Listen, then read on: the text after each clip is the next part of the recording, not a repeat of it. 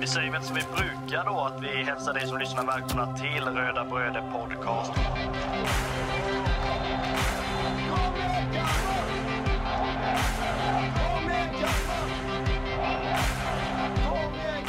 Vi är ju tre bröder som eh, driver en podcast som heter Röda Bröder Podcast. Eh, det är jag, Kristoffer Karlström, och det är min lillebror Marcus och min andra lillebror Andreas. Podcasten handlar bara om Kalmar FF.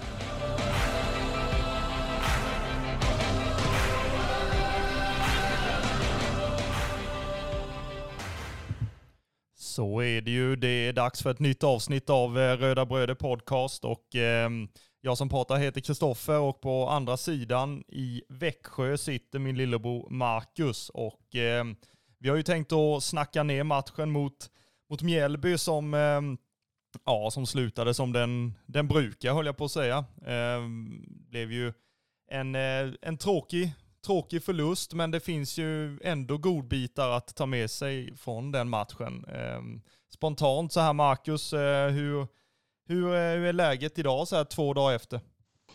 Nu har man väl kommit in i det lite höll jag på att säga. Alltså, jag har nog aldrig varit så glad över ett uppehåll som jag är idag. Jag brukar ju hata dessa landslagsuppehåll för de ger absolut ingenting. Men alltså nu, nu är jag liksom på något sätt glad att vi har ett uppehåll. Alltså jag var så rasande i söndags och bara kände att äh, äh jag tar inte det här. liksom det var, alltså dels att förlora mot Mjällby som man har förlorat mot de senaste 17 åren och sen att Alltså, äh, nej, nej, när det ser ut som det gör. Liksom, jag, jag efterfrågar väl väldigt ofta, inte att vi ska åka på utvisningar, men att vi ska vara liksom, ja, defensivt äckliga liksom, mot motståndarna. Och det var väl, ja, vi var väl allt annat ungefär. Den här, jag brukar prata skatteåterbäring i juni, juli, men här var det ju allmän utdelning i, i vårt straffområde. Ja, men det vi pratade om innan matchen var ju lite det att eh, alltså vi måste upp i den nivån fysiskt sett som, ehm, som Hjällby erbjuder. Alltså det är ju deras identitet och deras spelsätt att vara ja, äckliga, om vi nu ska använda det ordet. Alltså både fysiskt och eh, bryta ner motståndarna mentalt också. Eh, och sen eh, ja, är de ju grymt effektiva också om man nu ska ska se på de här två olika spelsätten som den här e- matchen erbjuder så är det ju ett lag som, som vill rulla bollen längs backen och ha ett eh, högt bollinnehav och, och spela längs marken eh, och kombinera sig fram. Och sen har vi ett lag som, som eh, ja, i stort sett ska mm, ligga på rätt sida, helst i knät på sin egen målvakt och sen eh, vet man precis vad man ska slå den här första kontringsbollen som sätter igång en en sylvass kontring där de liksom ger allt för att de har lyckats vila i ett eh, försvarsspel där liksom motståndarna inte har en chans att komma igenom och de har all ork liksom till att, till att kontra. Eh, och det är ju så de här två målen kommer till eh, på ett eller annat sätt. Och det är lite som du säger, vi kan ju prata om det att det, det har ju varit ett återkommande ja, kanske problem eller utvecklingsområde kan man väl nämna det, att vi är på tok för snälla i eget straffområde och jag vet inte riktigt vad vi ska sätta fingret på vad det beror på. Liksom. Men eh, har du någon tanke sådär vad, hur, hur ska vi bli äckliga i eget straffområde och mer desperata? Ja, men det gäller väl att vara alltså, på spelarna innan de liksom får bollen. För jag menar, det är väl i alla fall det eh, är väl det som man ser i den här matchen. Att vi, vi ligger steget efter och sen Ja, alltså vi, vi, desperationen finns inte. Liksom, är, väl, är väl det som jag ser utifrån. Eh, jag frågade ju Jens Karlsson det efter matchen i en intervju som vi, som vi har med oss senare att Alltså är vi för snälla? För det ser väldigt liksom snällt ut i båda målen. Dels med ja, så där det är flipperspel innan, eh, innan första målet där liksom ingen, ingen går in i desperation och bara vill få bort eh, bollen. Och sen i andra, andra målet är ju bara, bara dåligt. Liksom. Jag menar, vad heter han, Fenger eller vad han heter, han får ju smyga upp liksom i mellan fyra stycken röda spelare där ingen har koll överhuvudtaget. Och visst, han kommer bakom Sätra, men liksom Nej, jag vet inte. Alltså jag, jag, jag har inte tyckt att vi har haft någon tunn trupp innan och när man liksom märker det nu att alltså de spelarna typ alltså nu ska vi inte hänga spelare liksom så här, men alltså spelare som har varit väldigt stabila innan, typ Sätra i, i de här situationerna, när, när det liksom inte har gått att komma förbi, när, liksom, när det är där det brister plötsligt att han går in och är för snäll. Liksom, då, då har vi ju ett problem. Liksom. Antingen så måste man ju upp med den här aggressiviteten igen och vara äckliga i eget straffområde och se till att motståndarna får veta att de lever, eller så Ja, eller får man röra om. Liksom. Ja, och grejen alltså i den här kritiken mot, eh, mot just Sätra då, det är ju att man vet att någonstans där inne i honom så finns det en, alltså en, ja, om vi ska använda, ja vad heter det, så här, eh, Stålmannen, eh, Hulken, jag menar det är ju, alltså han är ju kapabel till, jag har nämnt det hur många avsnitt som helst, han är ju kapabel till att lyfta väck vilken spelare som helst i allsvenskan. Precis vilken som, och han, han, har, han är ju liksom en av allsvenskans bästa huvudspelare till exempel. Jag menar det, det finns ju inte, det är inte många som tar honom i en luftduell, varken defensivt eller offensivt. Så att, och någonstans där inne så, så finns det ju en, ja vad ska jag säga, en, en eh, äcklig försvarare som är stenhård och alltså som man liksom inte kommer runt och gör man det så då gör man inte det fler gånger för att man har blivit nedtacklad. Och alltså jag kan efterlysa sånt här, att man liksom det var någon på Twitter som, som skrev, vi, vi behöver ett riktigt psykfall till mittback liksom. Det är det vi efterlyser. Eh, och jag kommer ihåg förra året när, när Rydström sa att, att han ville göra Sätra till ett riktigt psykfall. Jag menar för att han, han är ju kapabel till det och han vet ju inte det egentligen. Alltså han är ju inte, jag tror han vet det men han har så svårt att, att ta fram det på något vis att han, ja, jag menar det var ju ett par eh, dueller som han vek ner sig till exempel mot Degerfors. Jag menar där eh, på bortaplan, jag vet inte hur många som ens vill komma ihåg den matchen, men det är ju på mittplan när han blir han blir ju nedtacklad av eh, en av deras mindre spelare egentligen. Och, och det ser liksom ut som att han knappt går in i situationerna. Så att det är ju lite mer så här, vi vet att det finns någonting i dig Lars, så att du får gärna ta fram det under liksom hösten här, för att det, det är det vi saknar i denna matchen i synnerhet ju. Att vi är ju skitbra resten av matchen och resten av situationerna, utan det är ju bara de här två försvarsmisstagen där det ser ut som att det står fyra, fem röda runt en gul och det är liksom helt oacceptabelt i, i ett försvarsspel i en allsvensk förening. Och det, resten är ju, jag menar, hade inte de tillkommit och Sätra hade satt sin nick på, på hörna så då, då hade vi ju lett matchen och, och kanske vunnit den till och med. Ja, nej, alltså, det är ju det jag menar. Liksom, man ska ju inte hänga en spelare i det här. Liksom, utan det är ju kollektivt att det liksom funkar inte. Det rasslar för mycket. Um, och jag menar det... Alltså ja, i den här matchen förlorar vi. Det är klart man absolut inte vill det. Um, och sådär. Men när man ser matcher som vi ändå har vunnit, som nu när vi var borta mot BP och man leder med 3-0. Det börjar ändå rassla i, mitt, alltså, i mittlåset då också. Um, så jag vet liksom inte vad, vad det beror på egentligen. Och det, ja, nej, jag, jag vet helt ärligt talat inte. Det var som jag skrev på Twitter när, när det också var någon som skrev det att vi behöver någon som är ja, alltså en riktigt stabil mittback så här, och så, som du säger på gränsen till liksom psykfall. Jag menar, ja, nu är inte Tobbe Karlsson ett psykfall, men alltså när vi hade honom i mitt, mittlåset, han, Bagan Rosengren, Mikael Eklund, Paulus Arajori, det var liksom de här Alltså det, det, ja, vad ska jag säga, motståndarna ville ju inte gå upp i nickdueller där, för de visste att antingen så förlorar vi nickduellen eller så får vi liksom en 90-pannes mittback över oss och vi vill inte något av det egentligen. Så att, jag vet inte, man, man pratar mycket om att nu har Mileta försvunnit och det är liksom tunt framåt. Och ja, vi gör ju inte mål precis som vi sa, men det är också att defensivt kan vi inte vara så snälla. Liksom. Det ska inte vara... Det, alltså, jag var så himla arg efter matchen hemma mot IFK Göteborg i hemmapremiären. Eh, eller jag var inte arg, men jag vet att alla göteborgare var arga ska jag säga, för hur Bångsbo stod som ett jävla rundmärke i liksom deras mitt, eh, i deras mittbackspar när liksom hymmet får sätta, får sätta en boll. Och jag menar, vi gör ju precis likadant i den här matchen, så det var ju rasande. Jag menar, jag har aldrig slagit i ett bord på pressläktaren, men det var inte långt ifrån, alltså när 2-0 kom.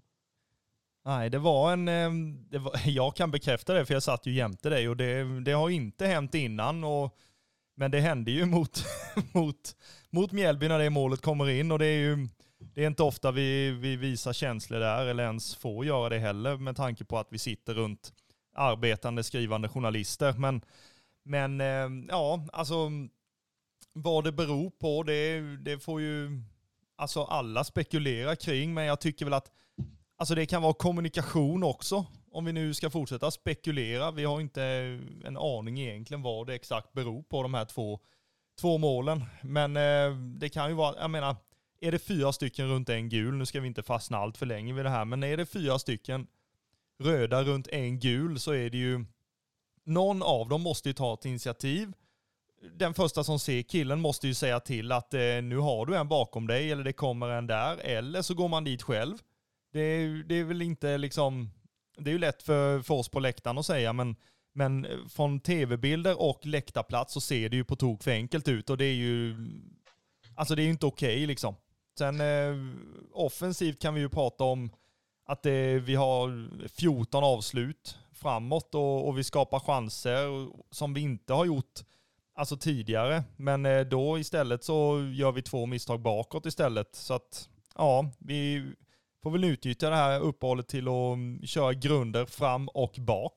Ja, men alltså om vi, om vi stannar lite vid det här med offensivt spel. Jag menar om vi bara vänder på det och kollar hur Mjällbys offensiva spel ser ut. Alltså när, när vi väl pratar om att det inte är acceptabelt att det står liksom fyra, fem röda runt en gul. Nej, men det lyser ju självförtroende hos då Mjällby-spelaren att gå in att okej, okay, här är jag själv mot fyra, fem, men Djävulen ska in. Liksom. Det är bara det självförtroendet vill man ju ha när det liksom är man alltså, hoppar in i varenda situation. Um, så det, visst, avslut är alltid positivt, men de är totalt värdelösa om de inte sitter på mål. Eh, liksom så. Jag menar, vi har fem avslut på mål och med Mjällby har ju tre. Eh, jag vet inte vad det var du sa, du som har en del kompisar ute i Norrliden. Vad var det du sa? Att Mjällby hade effektivitetens mamma i den här matchen.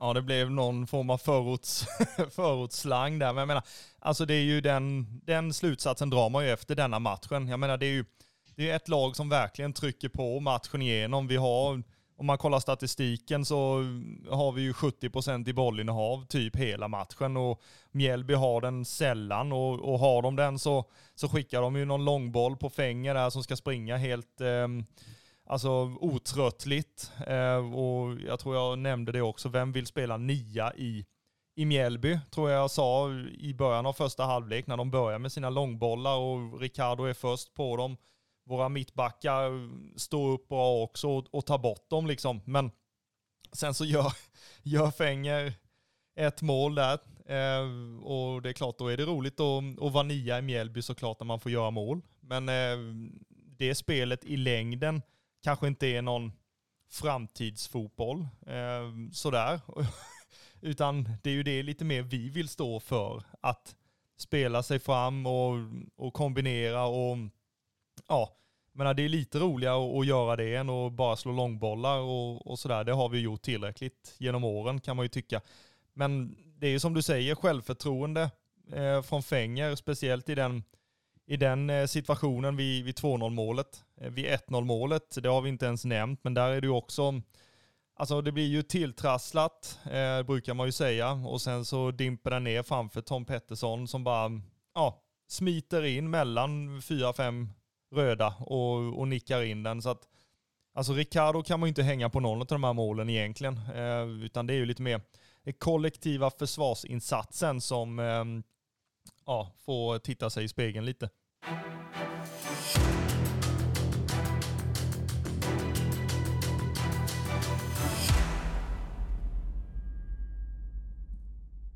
Ja, då har vi pratat eh, defensiva misstag och eh, Ja, alltså ja, defensiva misstag. Det är väl det enda vi har ägnat oss åt. Eh, om vi kollar till eh, det offensiva så, så skapar vi ju mycket fler målchanser än vad vi har gjort i de, i de tidigare matcherna. Och i matchen mot BP så kan man ju lugnt säga att vi, att vi var effektiva, för där hade inte vi bollen överhuvudtaget. Det var BP som eh, styrde alltså, matchen genom sitt bollinnehav, men, men i den här matchen så öser vi ju på framåt eh, och vi är nära på de fasta situationerna.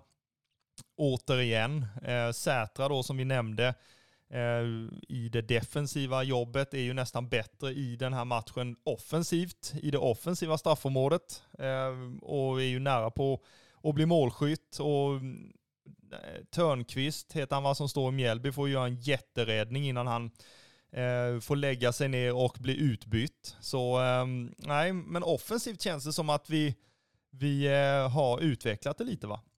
I alla fall det. Eh, sen att eh, hälften av skotten sitter i rymden känns det som. Det är ju en annan sak. Det är ju liksom, det är ett steg framåt i alla fall. Nu ska de ju bara sitta i mål också helst. Eh, men alltså, ja, jag vet inte. Alltså det, det känns på något sätt som att efter en sån här match, antingen är man liksom så totalt nedsågad eller så letar man med liksom ljus, lykta och allt möjligt efter någonting positivt. Jag menar, vi, man, Ja, jag vet inte. Alltså man kan vrida och vända på det. Ja, men vi vinner bollinnehavet. Jo, men vi gör inte ett skit med det fortfarande. Vi vinner matcher när vi inte har bollen. Låt motståndarna ha bollen mer eller mindre och sen kontrar vi in eller någonting. Jag menar det. Nej, sen börjar man ju bli så här. Alltså tänka nu inför slutet. Jag menar, vi har ett par matcher kvar och ja, jag vet inte. Man började ju prata Europadrömmar och allting under sommaren. Alltså jag vet inte, mina Europadrömmar är ju Dels tyckte jag ju inte vi skulle satsa på Europa eftersom vi åkte ut mot Punic och tänkte vi behöver ett år bara fokusera på allsvenskan och sätta det här spelet. Men jag vet inte. Nu är vi ju, vad är det, 14 poäng från kvalspel också. Men om vi inte vinner kuppen nästa år. Men jag vet inte, alltså det är Ja, jag vet inte. Man börjar ju gå in lite för landning i den här säsongen känns det som i alla fall. Och jag vet ju inte vad vi ska ta med oss från 2023 när vi går in i 2024.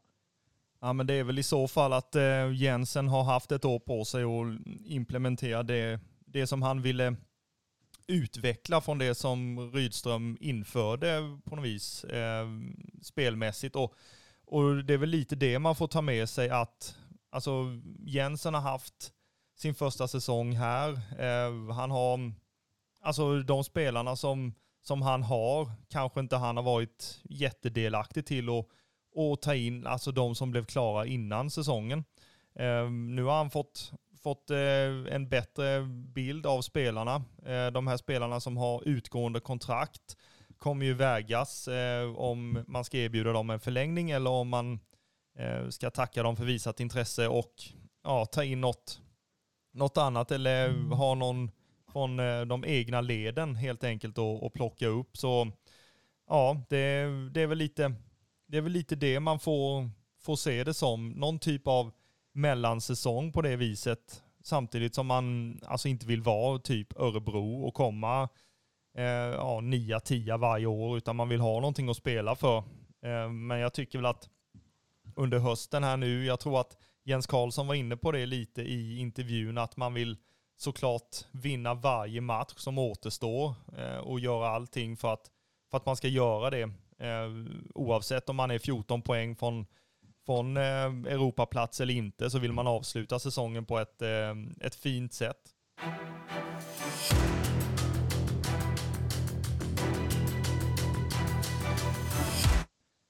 Det är ju så här att vi fick ju chansen att eh, prata med två stycken efter matchen mot Mjällby för att höra både den Alltså synen från ledarstaben och dels från eh, spelarhåll. Eh, och vi fick ju äran att eh, prata med, med Melke Hallberg och Jens Karlsson. Och eh, de här intervjuerna kommer ni att, att höra efter varandra. Så att eh, det är bara att sitta ner och eh, njuta.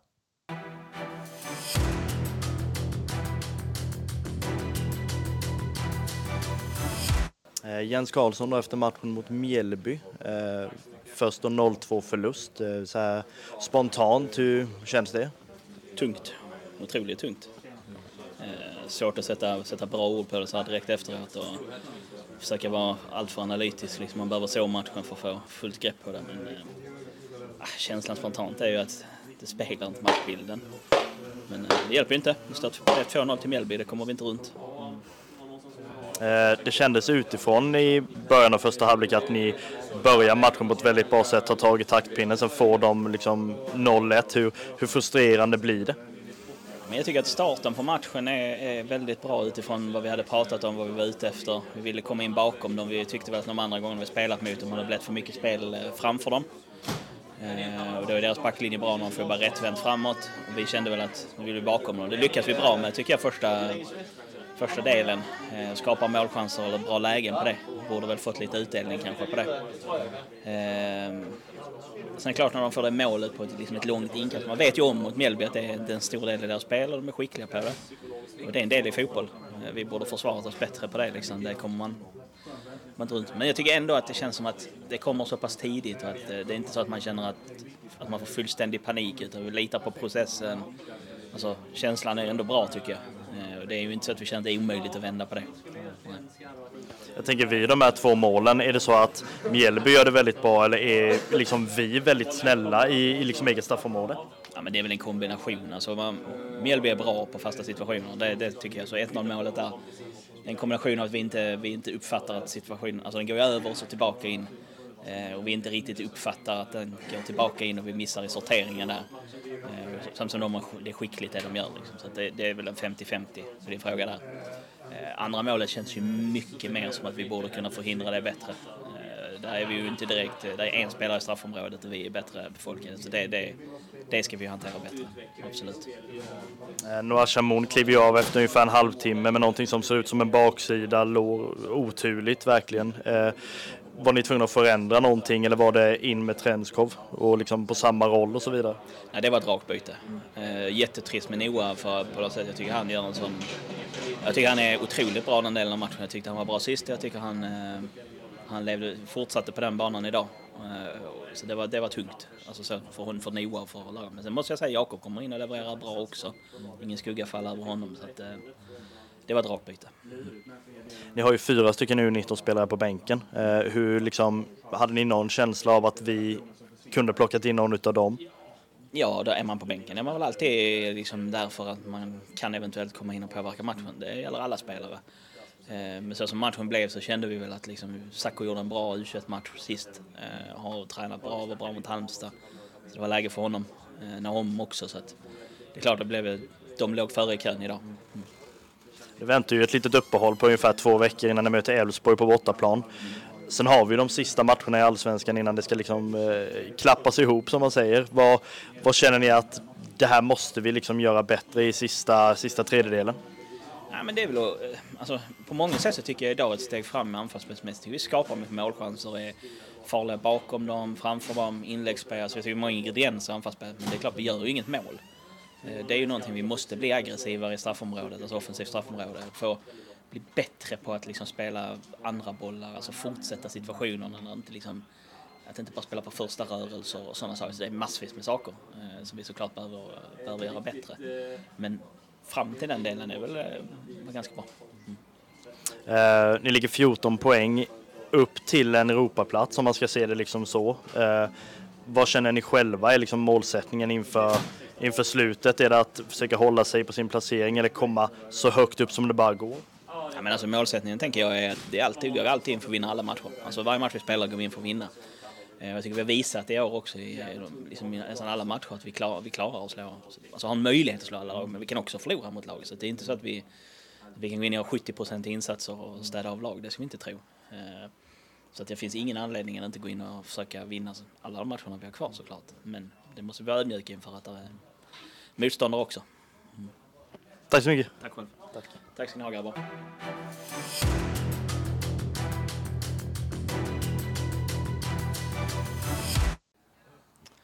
Röda bröder på plats på Guldfågeln efter matchen mot Mjällby. Vi står här med Melke Hallberg. Hur eh, går dina tankar så här direkt efter matchen? Nej, det är ju surt som, ja, ska inte svära, men äh, jäklar vad surt. Äh, det är en bra match, skapar mycket målchanser och får inte in bollen. Och, och de har väl egentligen bara två avslut. Äh, så det är klart att det är, nej, det är jäkligt surt. om vi tittar till din egen prestation idag, hur, hur nöjd är du med den? Nej, men det, det är svårt att stå här efter en förlust och säga och prata om sin egna insats.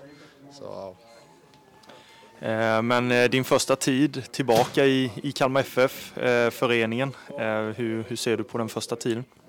Nej men det är kul att vara tillbaks, fått spela och sådär så det, vi har fått lite bra resultat. Idag förlorade vi, tråkigt som, som fan liksom så ja. Hur eh, frustrerande är det när man äger matchen eh, ganska rejält i, i första halvlek speciellt och sen så står det 2-0 på tavlan till, till Mjällby? Nej, det är som jag sa innan, det är ju för, för jäkligt liksom. Eh, liksom. Vi gör en bra prestation, vi skapar mycket målchanser, vi, vi ska bara trycka dit bollen och så gör vi första målet i den här matchen så vinner vi den här matchen. Eh, Såklart surt. Eh, en bra prestation och, och förlora, det, nej, det suger. Eh, nu väntar ett speluppehåll på grund av landslaget. Vad känner du att ni behöver jobba på under det här uppehållet? Nej, men vi ska fortsätta visst. Det, det kanske inte så lätt att stå och säga efter man har förlorat med 2-0 men det är som jag sa en bra prestation så fortsätter vi jobba hårt på vårt egna spel och fortsätter att prestera sådana här matcher så kommer, kommer poängen trilla in. Ja, vi, vi tackar Melke för, för denna poddstunden och önskar lycka till i, i nästa match. Tack så mycket.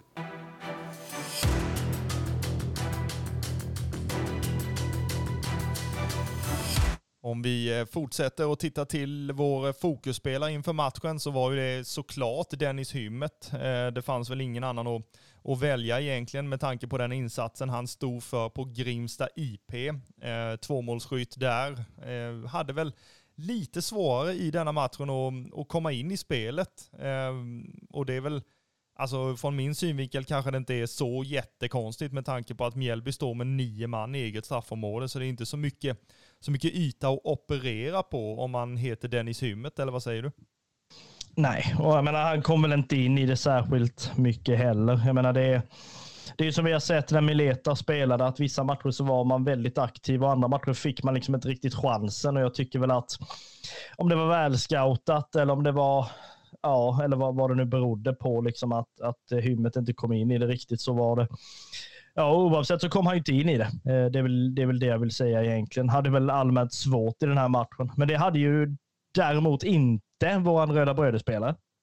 Nej, om det var en spelare som man tänkte att det här är hans match alltså. Det, det här är han skapt för att spela den här typen av matcher när det kommer till till det fysiska spelet och eh, allt som hör det till så är det ju såklart Melke, eh, Melke Hallberg som blev vår Röda Bröder-spelare efter matchen eh, för en fin insats. Eh, och jag tycker att Alltså det är många som har eftersökt eh, Kalle Gustafssons ersättare inom situationstecken. Eh, och den typen av spelare som när det bär lite emot eller man känner att det andra laget är på väg in i matchen så, så är man den som som kliver in och, och sänker en motspelare på mittplan bara för att markera för de andra att nu måste vi vakna till och eh, ja, börja spela och börja liksom ja, hitta fram det, eh, till det här fysiska spelet som, som vi måste ha och gå in i närkamperna ordentligt. Eh, det var ju en situation som, som leder fram till, till 2-0 målet egentligen och det är ju när jag tycker att det är en solklar hans situation på mittplan och det tycker Melker också, så där var vi ju helt överens. Sen då Eh, får vi den inte med oss, utan eh, Mjällby kan liksom spela loss bollen. Vilket innebär att Melker sänker eh, en av eh, Mjällbyspelarna Mjällby-spelarna på mittplan i ren frustration liksom. Och det blir till en fördel då fördel av boll och eh, de tar sig ner på högerkanten och inlägget kommer och eh, Fänger kliver emellan fyra då som vi har sagt här 72 gånger i det här avsnittet och får göra 2-0. Eh, men det jag vill komma till är att det här var Melkes match på något vis. Jag tycker att han visar det också för han är, han är riktigt bra i den här matchen, eller vad säger du? Jo, men det tycker jag. Um, absolut. Och det var väl, man undrade väl honom att han skulle gjort ett mål um, eller så. Men när, han, när väl inte det gick, precis som du sa, så kunde han gå ner och sänka spelare. Och i den här matchen fick man ju sänka spelarna. Jag vet inte vad det var för, för tombola den här domaren hade med sig. Det var ju liksom vid varje frispark så var det ju Ja, ska det vara kort eller inte? Fast det blev ju aldrig kort. Så blev det ju ett kort vid en situation som jag inte tycker ska vara kort, men absolut. Men alltså jag vet inte. Det här är ju en match som de här alltså, riktiga spel, alltså spelarna som spelarna någon form av grisbrotta fotboll hade trivts i. För jag menar Sundell hade ju glömt kortleken. Ja, det kändes lite så faktiskt i, i hela matchen och, och en del grejer som var rena, ja, ordentligt över gränsen kan jag tycka. Då blir det inte ens frispark och sen så är det någon liten skitgrej i slutet och då så drar han upp eh, det gula som att det vore eh, ja, världens markering liksom. Och eh, ja, alltså det är ju inte, det är inte domarens fel överhuvudtaget att vi förlorar, men det blir ju lite i det fysiska spelet när man tillåts vissa grejer men inte andra grejer och det tycks vara helt skilda nivåer på dem så förstår man att det blir lite, lite frustration bland eh, spelartruppen. Eh, men ehm, som sagt, det är inte domarens fel att vi släpper in två mål. Det är, så är det ju verkligen, utan det är ju vårt försvarsspel i de situationerna som, som gör det. Ja, det är så platta ska vi liksom inte vara och påstå det på något sätt. Och det är väl tur det är samma, så är man inkonsekvent kan man ju vara åt båda lagen och det lyckas man ju absolut med. Um, ja, sen vet jag liksom inte. Nej, jag vet inte. Vi lämnar det. Vi går vidare till någonting, eh, någonting roligare tycker jag.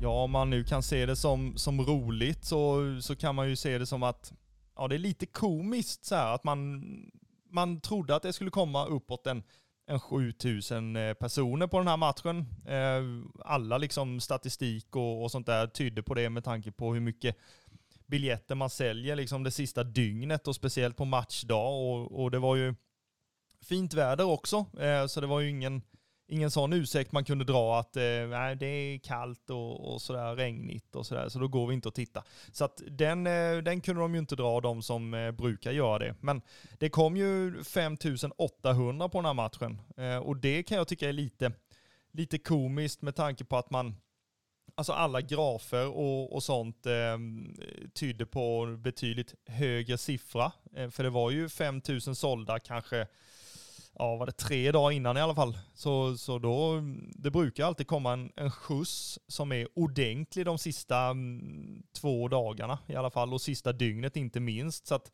det, det är frågan varför, varför den klicken då inte valde att, att komma på matchen. Men det är ju någonting för, mm, för Rosenlund och mm, de på mm, sportkontoret att, att klura ut hur man ska ja, eller varför snarare, eh, inte de människorna kom till eh, Guldfågeln Arena. För att det var, en, det var ju upplagt som en, en East Coast Rumble på något vis. Eh, och eh, det blir ju lite derbystämning när vi möter Mjällby.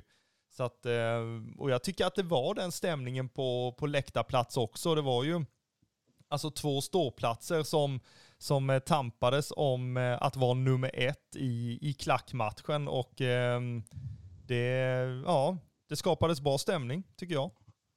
Ja, och sen det här uttrycket East Coast Rumble, det är ju alltså både utskällt och hyllat. Liksom så här. Jag vet inte var det kom från från början, men det var väl någon, någon PR-variant när vi, när vi mötte dem långt tillbaka, eh, har jag för mig. Men ja, det är ju någonting, det här är ju en alltså en rivalitet som ändå har vuxit fram. Jag menar Mjällby tokhatar ju oss. Liksom. Det, är, det är ju ingen hemlighet överhuvudtaget. Jag menar, vi, vi känner väl ett visst hat emot dem också och det, det märks ju. Liksom. Och sådär. Och framförallt kanske då när de mitt under matchen skickar upp en, en, en banderoll som, alltså jag var helt hundra på att nu har det varit någon, någon, någon form av vev i någon match så att Mjällby har lyckats få med sig Eh, vår gamla banderoll från Tele2 Arena mot Hammarby, den här Vision Europa. Och jag tänker nu blir det liksom ett jävla liv. Och jag menar visst, det blev det ju. Sen var det ju att de hade gjort en, en sämre version där de skulle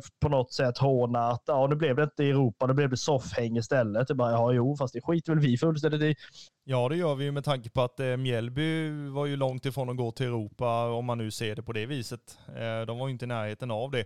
Men eh, jag var helt säker på att, eh, precis som du säger, att eh, den hade snotts någonstans och eh, ja, nu skulle det bli någon Malmö AIK version här där man eh, ja, eldar upp helt enkelt. Och det tror jag att eh, en del kanske trodde också. Men eh, som tur var så blev det ju inte så med tanke på att de hade gjort en, en kopia då som, som skulle vara lite mer ett eh, ja, hån med glimten i ögat eh, att eh, vi inte lyckades ja, kliva över första, första hindret i Europakvalet. Eh, och det, det är klart att alltså, det är många som eh, kanske tycker att eh, ja, det var onödigt och, och, allt det där, men jag, jag tycker att alltså, sånt här behövs, liksom lite, lite pikar hit och dit som, är, som inte är över gränsen. Det, är liksom, det behövs i allsvenskan och speciellt i sådana här matcher där det är Alltså där det kanske behövs i en sån här derby, derbyaktig match där eh,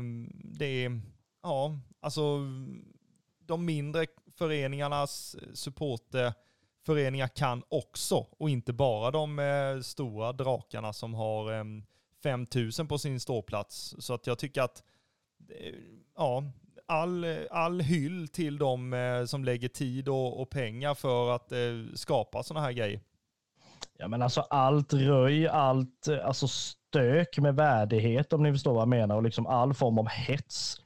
Alltså det är det som väcker de här känslorna som vi liksom pratar om att allsvenskan vilar på hela tiden, liksom spelmässigt. Och fotbollsmässigt är vi ju liksom inte särskilt högt och brankat i Europa, liksom. men vi är ju det mycket, alltså tack vare supporterna och då, då ska man ju liksom hylla det naturligtvis. Jag menar oavsett om om det är budisar som kommer mellan sektionerna eller om det är banderoller eller om det är liksom overhead, eh, ja, sån eh, flagga som nu Mjällby hade, eller om det är ett liksom gemensamt ställningstagande mot olika saker, om det så är förbundet, om det är fot- eh, polisvåldet, vad det än är. Liksom. Det, det är ju det som, som förenar och gör att liksom allsvenskan har har liksom nått ut i Europa. För jag menar fotbollsmässigt är vi ju liksom fortfarande låg nivå.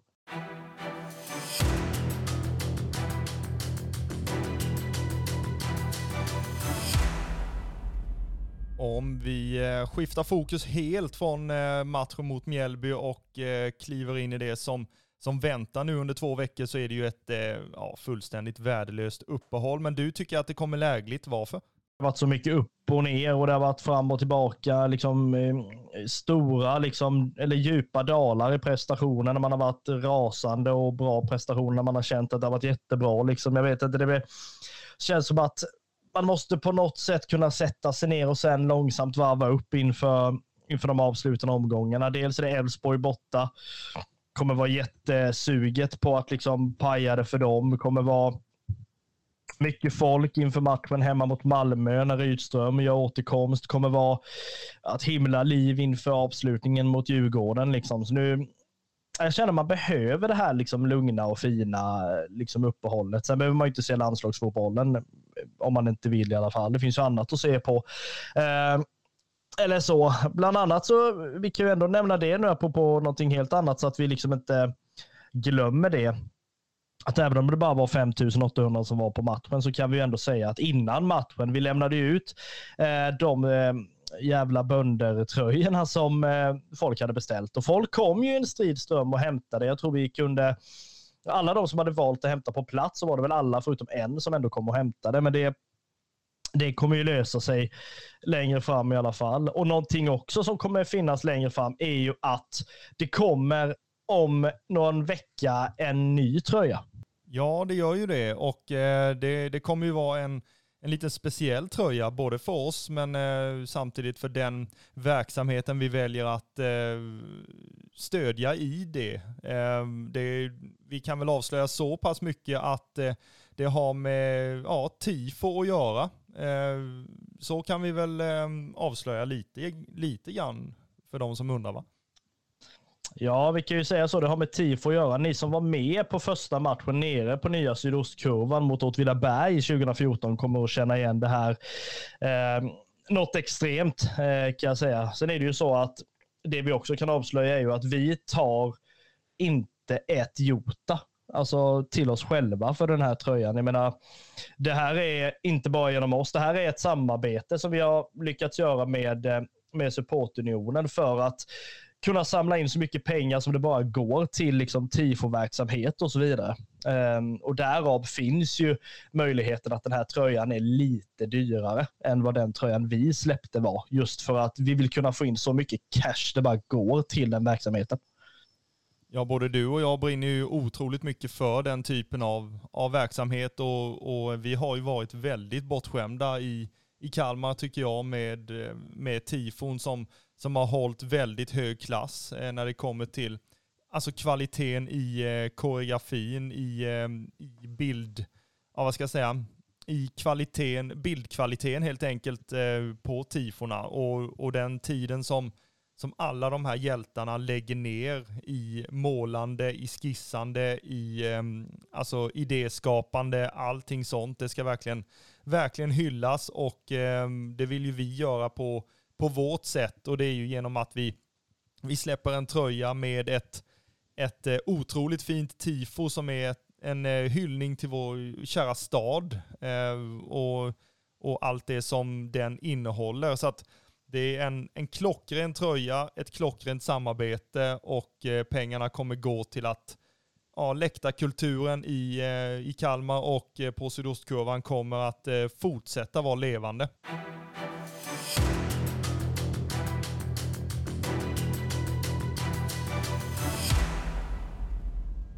Om det är okej okay för dig så eh, slänger jag in en liten specialare här. Du nickar så då tar jag det som ett ja. visst.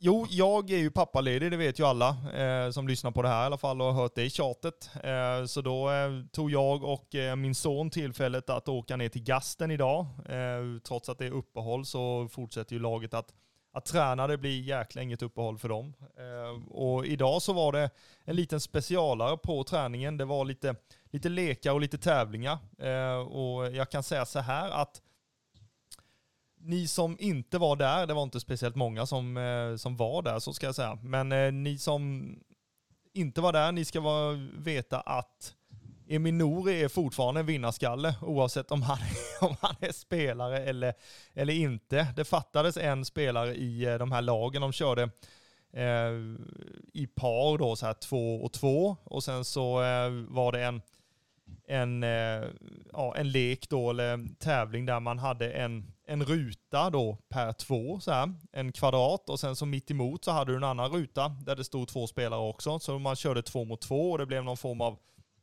ja, fotbolls, eh, golf, tennis utan, utan nät på något vis. Och, och, det blev ett himla liv om de här reglerna alltså. För att en del som hade varit lite längre bort på planen och, och kört eh, likadant då, det var ju massa rutor i, i rad här. Jag vet inte om ni får upp det i huvudet, men jag försöker förklara så gott jag kan. Och då eh, hade de längst bort hört lite regler av eh, Jensen och, och Jens Karlsson och sen så nere på eh, vid sidlinjen där jag och min, min son stod då, där var det lite andra regler då och ehm, eh, som Donne då hade sagt till de som var närmast där då. Eh, och eh, det blev ju ett, alltså det blev som en, en skolgård, så eh, tror jag att ni, ni fattar. Eh, och ehm, en del Eh, blev liksom, ehm, ja vad ska jag säga, beskyllda för att fuska hit och dit och man var inte över den linjen och den konen eh, ska inte stå där och allting. Så att det var ju, det var verkligen eh, prestige i att vinna den här tävlingen med, med flest poäng och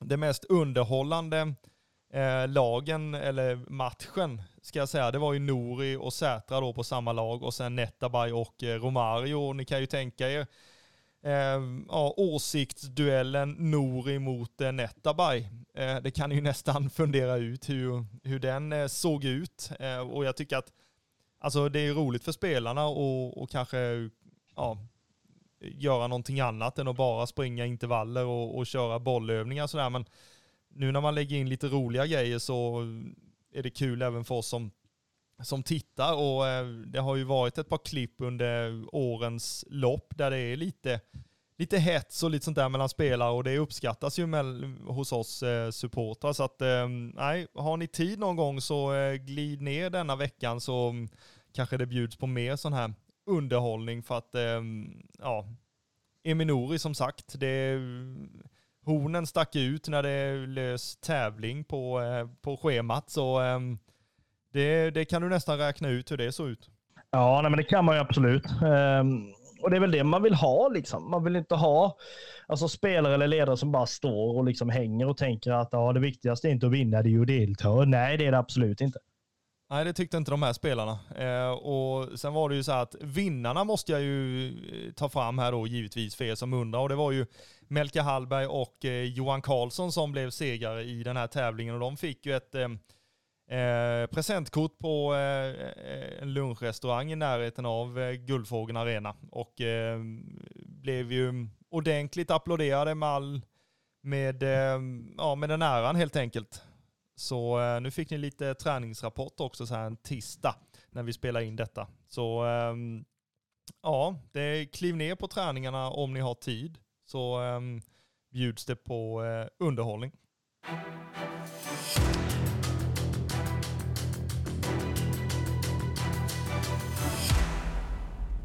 Det känns väl eh, som att det är på plats med en liten sammanfattning av det här avsnittet eh, och eh, det blev ju ett, ett avsnitt som endast blev ett referat helt enkelt av Mjällby-matchen som vi tyvärr förlorade återigen med, med 2-0 och nu väntar ett uppehåll på två veckor, lite drygt, där Eh, laget får samla ihop sig och eh, förbättra det man behöver förbättra sig i.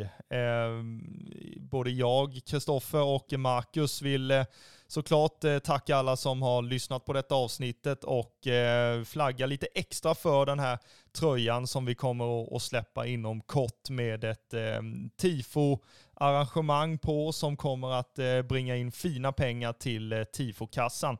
Under tiden så eh, får ni njuta av ehm, att det är uppehåll helt enkelt. Och ni som inte njuter av det, kliv ner och titta på FF-träningarna för att stilla den abstinensen. Eh, vi är tillbaka i nästa vecka med ett nytt avsnitt och då eh, ska vi prata lite Elfsborg va? Så ha det så bra så länge. Hej!